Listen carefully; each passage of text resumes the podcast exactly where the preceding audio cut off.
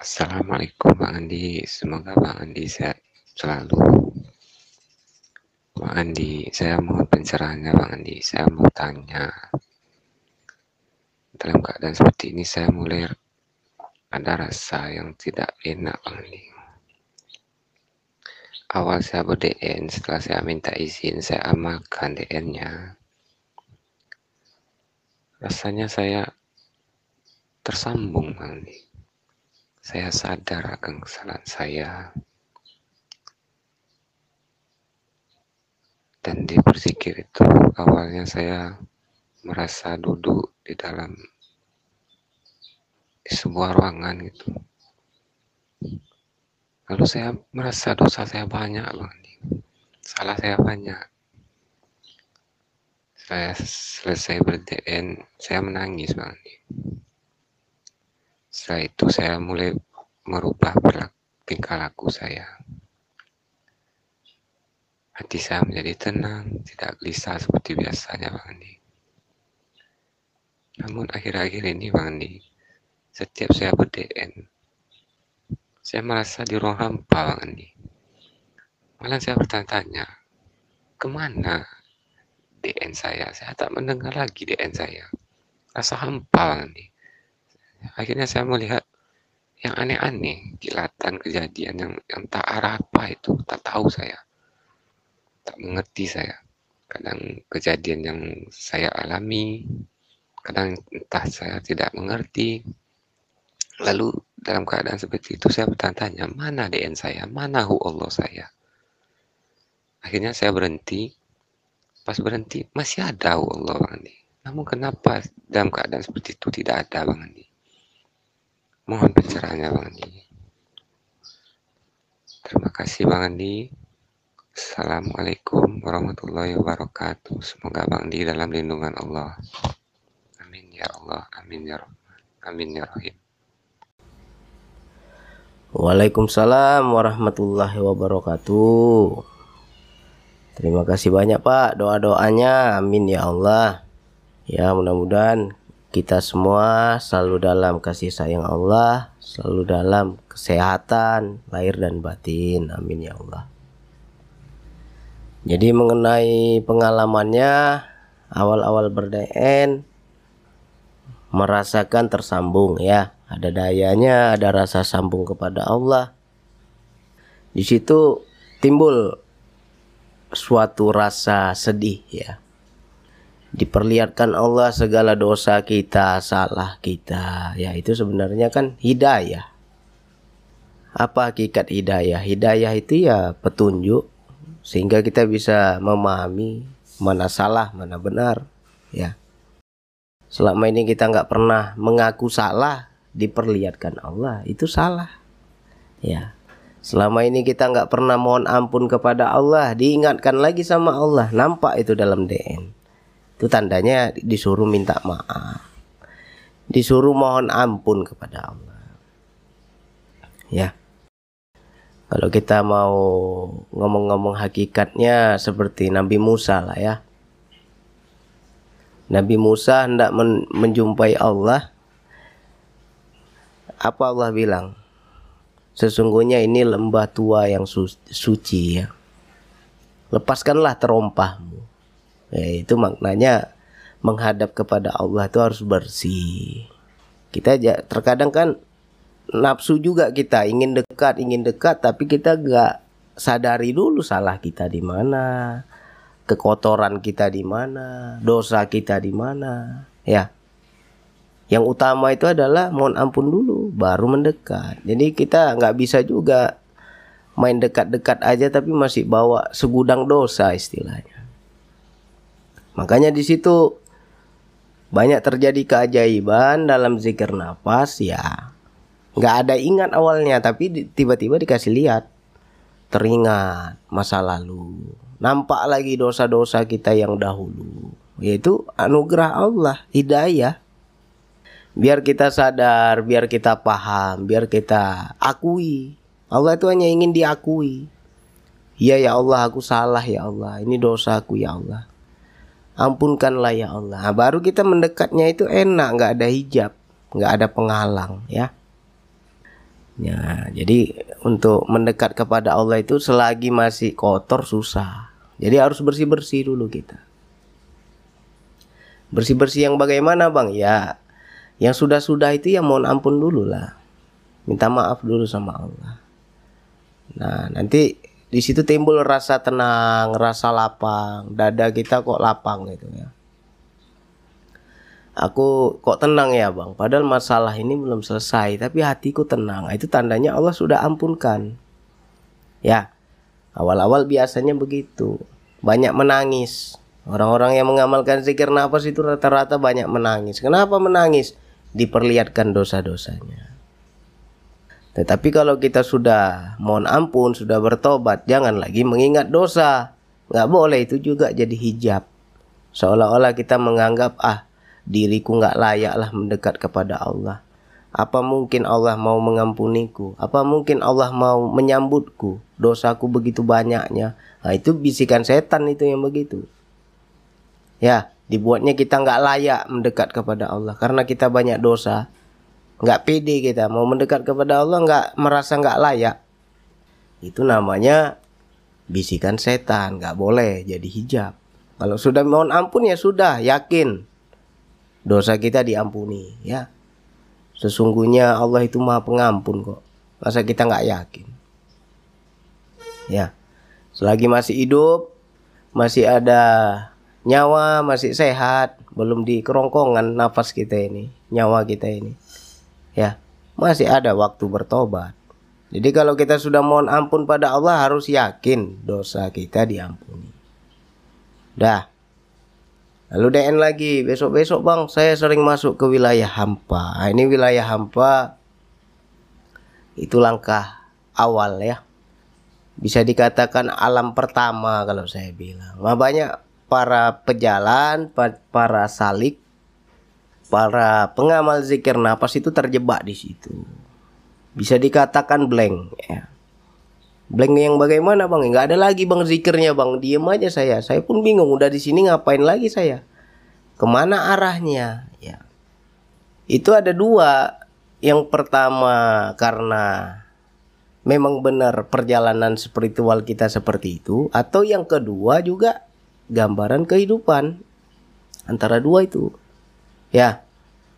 Biasanya kalau terlalu sering itu gambaran kehidupan. Tapi kalau kita hanya sekali aja atau dua kali ya itu perjalanan rohani kita. Tapi kalau udah terlalu sering, bang aku setiap DN masuk ke ruang hampa itu bang, sampai situ bingung nggak tahu lagi mau ke mana. Ya itu gambaran kehidupanmu. Nah, seperti itulah kehidupan kita, hampa, kosong, nggak tentu arah, ya kan? Sebenarnya kias itu. Nggak paham kita tujuan hidup. Ya, pagi, siang, malam, pagi, siang, malam. Bangun kerja apa lagi? Uh, berkegiatan kita sehari-hari. Besok pagi gitu lagi bangun. Habis itu tidur lagi bangun tidur lagi gitu-gitu aja. Habis itu hampa hidup ini. Nggak ada kita paham ke mana arahnya mau dibawa ke mana hidup ini. Ya begitu. Dalam zikir nafas juga masuk kita ke wilayah hampa itu jadi hidup ini harus ada tujuan Makna tujuan di sini bukan berarti kita berambisi dalam hidup, tapi paham kita apa yang Allah perintahkan. Aku disuruh apa oleh Allah? Ketika Allah bilang aku tidak menjadikan khalifah di muka bumi, apa tugas khalifahku? Ya, jadi apa aku nih? Seharusnya aku bagaimana? Ah ini banyak orang nggak paham. Itulah hidupnya hampa. Dalam zikir nafas juga begitu kosong, nggak tahu mau ke mana. Ya kan? Nggak ada pendirian nggak ada tujuan. Ya. Nah situ bingung. Nah jadi antara dua itu nanti tinggal dipilih yang mana yang cocok. Ya saya nggak bisa nuduh orang. Ya walaupun udah tahu tapi nggak bisa saya ngomong ya aib jadi saya hanya memberikan gambaran. Nah, ini memang perjalanan spiritual atau memang gambaran kehidupan antara dua itu. Kalau perjalanan spiritual itu kenapa kita masuk ke ruang hampa? Di situ jadi tersesat. Itulah makna tersesat itu. Ya. Tersesat ini bukan istilah tersesat. Orang bilang kalau tersesat jadi kafir, bukan begitu. Tersesat dalam perjalanan. Ya. Makanya banyak orang tua dahulu bilang kamu belajar marifat, belajar zikir, belajar ketuhanan, harus ada guru. Biar apa? Ada yang menuntun jalan. Ada yang mengarahkan jalan, itu tujuannya. Ya. Nah, di sinilah pentingnya kita saling sharing. Ketika teman-teman masuk di wilayah hampa tadi, kenapa bang saya bisa masuk ke situ? Sampai situ saya bingung bang, nggak tahu mau ngapain. Ke kiri, ke kanan, ke atas, ke bawah atau ke mana nggak tahu diam aja di situ. Nah di situ pun nggak ada yang namanya sadar Allah lagi, nggak ada lagi yang namanya zikir, putus sudah. Ya itu sama aja orang lalai, nggak sadar. Ya tapi terjebak dari situ. Nah, itu karena dia terlalu tenang, ya. Begitu juga hidup kita. Jangan terlalu nyaman di zona tenang, ya kan sering kita dengar itu pepatah itu. Jangan kamu terlalu nyaman di zona tenang, nanti kamu hampa hidupmu. Ya, jadi antara hakikat dan syariat itu ada makna. Antara kehidupan dan spiritual itu ada kesamaan. Ya tenang tenang tenang ya kan zikir kita ikuti nafas level 1 bisa merasakan nafas bisa bang. Gimana rasanya? Tenang bang. Mulailah ada rasa ngantuk. Makin diikutin makin tenang. Masuk ke wilayah hampa. Sampai situ dah. Tak tahu lagi mau ngapain. Itulah yang dikatakan tersesat dalam perjalanan. Ya. Nah biasanya di sini di wilayah hampa ini ketika di titik kita bingung, di sinilah pentingnya guru mursid. Guru mursid itu siapa bang? Guru mursid itu apakah guru zohir kita? Manusia, bukan manusia. Ya, guru mursid itu ya perwujudan dari guru zohir. Ya, kita belajar dengan seorang guru ada adab kita kepada guru, ada mahabbah kita kepada guru, ada cinta kasih kita, ada ikatan batin kita. Nah, ketika kita tersesat di wilayah hampa itu, muncullah dia. Kamu ke Allah lagi, jangan di situ-situ aja, ke sini jalannya, ditunjukkan kita. Muncul itu. Bisa dalam wujud rupa, bisa dalam bentuk suara aja. Ya. Jadi kalau teman-teman dalam zikir nafas masuklah ke titik hampa. Tiba-tiba muncul saya. Ya. Bang Andi datang, Bang Andi tunjukkan jalan, Bang Andi arahkan ke sana lagi jalannya atau Bang Andi berteriak. Lurus lagi ke Allah, jangan di situ-situ aja, naik lagi ke Allah. Wah.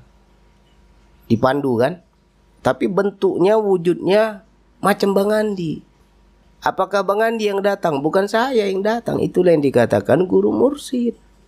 Ya, Allah mewujud, mewujudkan dalam bentuk guru zohir kita. Ya bisa malaikat kita nggak tahu lah. Ya. Lantas makhluknya siapa ini bang? Ya, itu sebenarnya ya ruh keilmuan kalau saya bilang. Ruh keilmuan itulah yang mewujud karena ada ridho dari seorang guru datang dia. Ya, jadi mudah-mudahan teman-teman paham, jangan ada nanti guru mursid yang manusia mengaku-ngaku aku yang datang dalam mimpimu, aku yang datang dalam zikirmu itu guru palsu itu, mengaku-ngaku itu. Ya. Kalaupun datang dia nggak akan tahu. Sama seperti teman-teman, jumpa saya, "Bang, saya dalam zikir jumpa Bang Andi." Bang Andi datang, saya nggak tahu, bukan saya yang datang. Ya, Itulah sejatinya guru mursid dari Allah. Tetapi nggak ada sangkut sangkut paut dengan guru zohir. Itu hanya perwujudan ruh keilmuan. Ya, jadi yang mengaku-ngaku mursid itu hati-hati. Ini kita buka aja ini. Jangan sampai ada orang mengaku. Aku yang datang dalam mimpimu, aku yang datang dalam zikirmu. Nah, nanti jadi Tuhan itu guru kayak gitu. Didewa-dewakan. Ya. Nah, biasanya seperti itu. Kalau dia punya ikatan yang dekat sama guru Zohir, kita ada ikatan batin, ada mahaba, ada cinta kasih. Di saat kita tersesat di ruang hampa itu, Allah kirimkan guru mursid. Tetapi yang wilayah goib, ya wujudnya sama seperti guru zohir kita. Tetapi bukan berarti batin guru zohir, bukan. Nggak ada sangkut paut itu. Ya, mudah-mudahan ini jelas lah. Nah, memang untuk pemula banyak itu yang terjebak di situ. Awal-awal masuk ke wilayah hampa. Dingin enggak, panas enggak, terang enggak, gelap enggak, bingung ini alam apa ini bang. Sampai di situ saya bingung mau ke mana lagi. Nah makanya di sinilah pentingnya kita istilahnya belajar itu ya sungguh-sungguh ya. Nah, mudah-mudahan ini udah bertanya seperti ini. Insya Allah besok kalau masuk lagi ke situ, insya Allah nanti Allah kirimkan yang namanya guru mursid itu. Jadi dipandu kita. Ya. Macam saya dulu gitu juga. Bingung saya, saya di bawah bukit. Ya, guru saya di atas bukit itu, menjerit dia, bergema suaranya itu. Seperti pakai toa itu. Andi, naik lagi, jangan di bawah terus kamu katanya. Habis itu hilang. Lepas saya dari wilayah hampa itu ya kan. Nah, lanjutkan perjalanan. Nah, di situ biasanya orang banyak terlena tersesat di wilayah hampa. Ya. Nah, di sinilah pentingnya mursid. Nah, itu macam mana bang? Biar dapat biar datang dia bang. Nggak bisa diminta-minta. Tergantung adab kalian. Ya kepada siapa kalian belajar ya sambung mahabbah. Insya Allah sambung ikatan batin. Insya Allah itu nanti Allah kirimkan. Macam eh yang guru saya ya. Padahal beliau sudah meninggal. Tapi saya sangat senang dengar ceramah-ceramah beliau. Nggak pernah saya ketemu secara zohir. Belum pernah saya jumpa semasa dia hidup. Tapi di saat saya lagi jatuh cinta, saya lagi seneng-senengnya belajar dengar ceramah beliau ya. Meninggal beliau. Tapi saya selalu mengirimkan Al-Fatihah untuk beliau, mendoakan beliau ya. Selalu saya itu senang dengan kajian-kajian beliau. Makanya di YouTube ini bisa dikatakan ya saya fotokopi beliau karena beliau berdakwah lewat audio suara begini. Dulunya begini. Ya. Itu namanya Eyang Haji Slamet Utomo, orang Banyuwangi, sudah almarhum. Nah, tetapi ketika saya punya hati, punya sambung hati kepada beliau, di saat saya tersesat itu kadang beliau muncul di pandunya kita datang dia ya kan nah, di saat kita terkadang lagi ada masalah kita bingung kita istilahnya lagi galau lah. Tidur kita kan? Mimpi datang beliau dikasih nasihat dikasih wejangan dikasih kopi pahit ya kan? Terhibur juga kita dapat wejangan ya. Kok bisa ketemu? Ya itulah kalau kita ada ikatan batin ya kita ini kan hanya berpisah dengan jarak dan ruang saja. Tapi kalau yang namanya jiwa itu kan tak terpisah. Tak ada sekat ruang dan waktu. Bisa kita bertemu kalau ada ikatan batin. Nah, makanya di situ harus ada ketulusan. Jadi untuk teman-teman, saudaraku, sahabatku yang lain, ya belajar sungguh-sungguh. Diulang-ulang itu YouTube saya. Ya, ada itu. Jawaban pasti ada di situ untuk wilayah tersesat di ruang hampa ini antara dua. Yang pertama memang kita nggak tahu jalan, kita terlalu terlena dalam perjalanan spiritual itu. Itu satu. Yang kedua gambaran kehidupan. Di kehidupan pun kita hampa kosong, nggak tentu arah. Ya, nah, ditampakkanlah sama Allah dalam DM. Ya, jadi kita harus fokus harus belajar, harus sadar. Apa sih tujuanku hidup, apa yang harus kulakukan, apa perintah Allah saat ini, apa yang harus kukerjakan, ya jangan kita bangun tidur, makan, habis itu beraktivitas, tidur lagi, bangun lagi, makan, beraktivitas, sama aja kayak binatang kayak gitu. Kalau nggak tahu tujuan hidup, ya harus tahu kita. Aku dijadikan khalifah di muka bumi. Jadi apa aku? Apa tugas diriku di muka bumi? Harus tahu. Ya. Jangan disuruh A, kita buat B. Disuruh B, kita buat C. Ya kan? Disuruh diam, kita bergerak. Disuruh bergerak, kita diam terbalik-balik kadang. Nah, inilah kalau banyak orang nggak paham itu hampa jadi hidupnya itu. Nggak tentu arah. Ya. Jadi orang yang paham tujuan hidup dengan orang berambisi beda.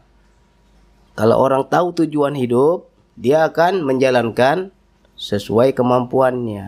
Nah, ini perintah Allah, udah jalanin aja. Aku nggak tahu hasilnya bagaimana. Yang penting aku jalani, ikuti. Beda kalau orang berambisi, kalau belum dapat tujuannya, ah, susah hati dia, itu berambisi namanya. Kalau belum tercapai, ah, sakit kepala dia, galau dia. Itu ambisi. Ya. Jadi kita harus punya tujuan. Ya ini silakan diulang-ulang. Kalau terlalu pahit, mohon maaf ya. Mengalir apa adanya. Untuk kawan-kawan yang lain juga mudah-mudahan paham tadi itu. Guru mursid sebenarnya yang seperti apa. Oke hanya itu yang bisa saya sampaikan. Wassalamualaikum warahmatullahi wabarakatuh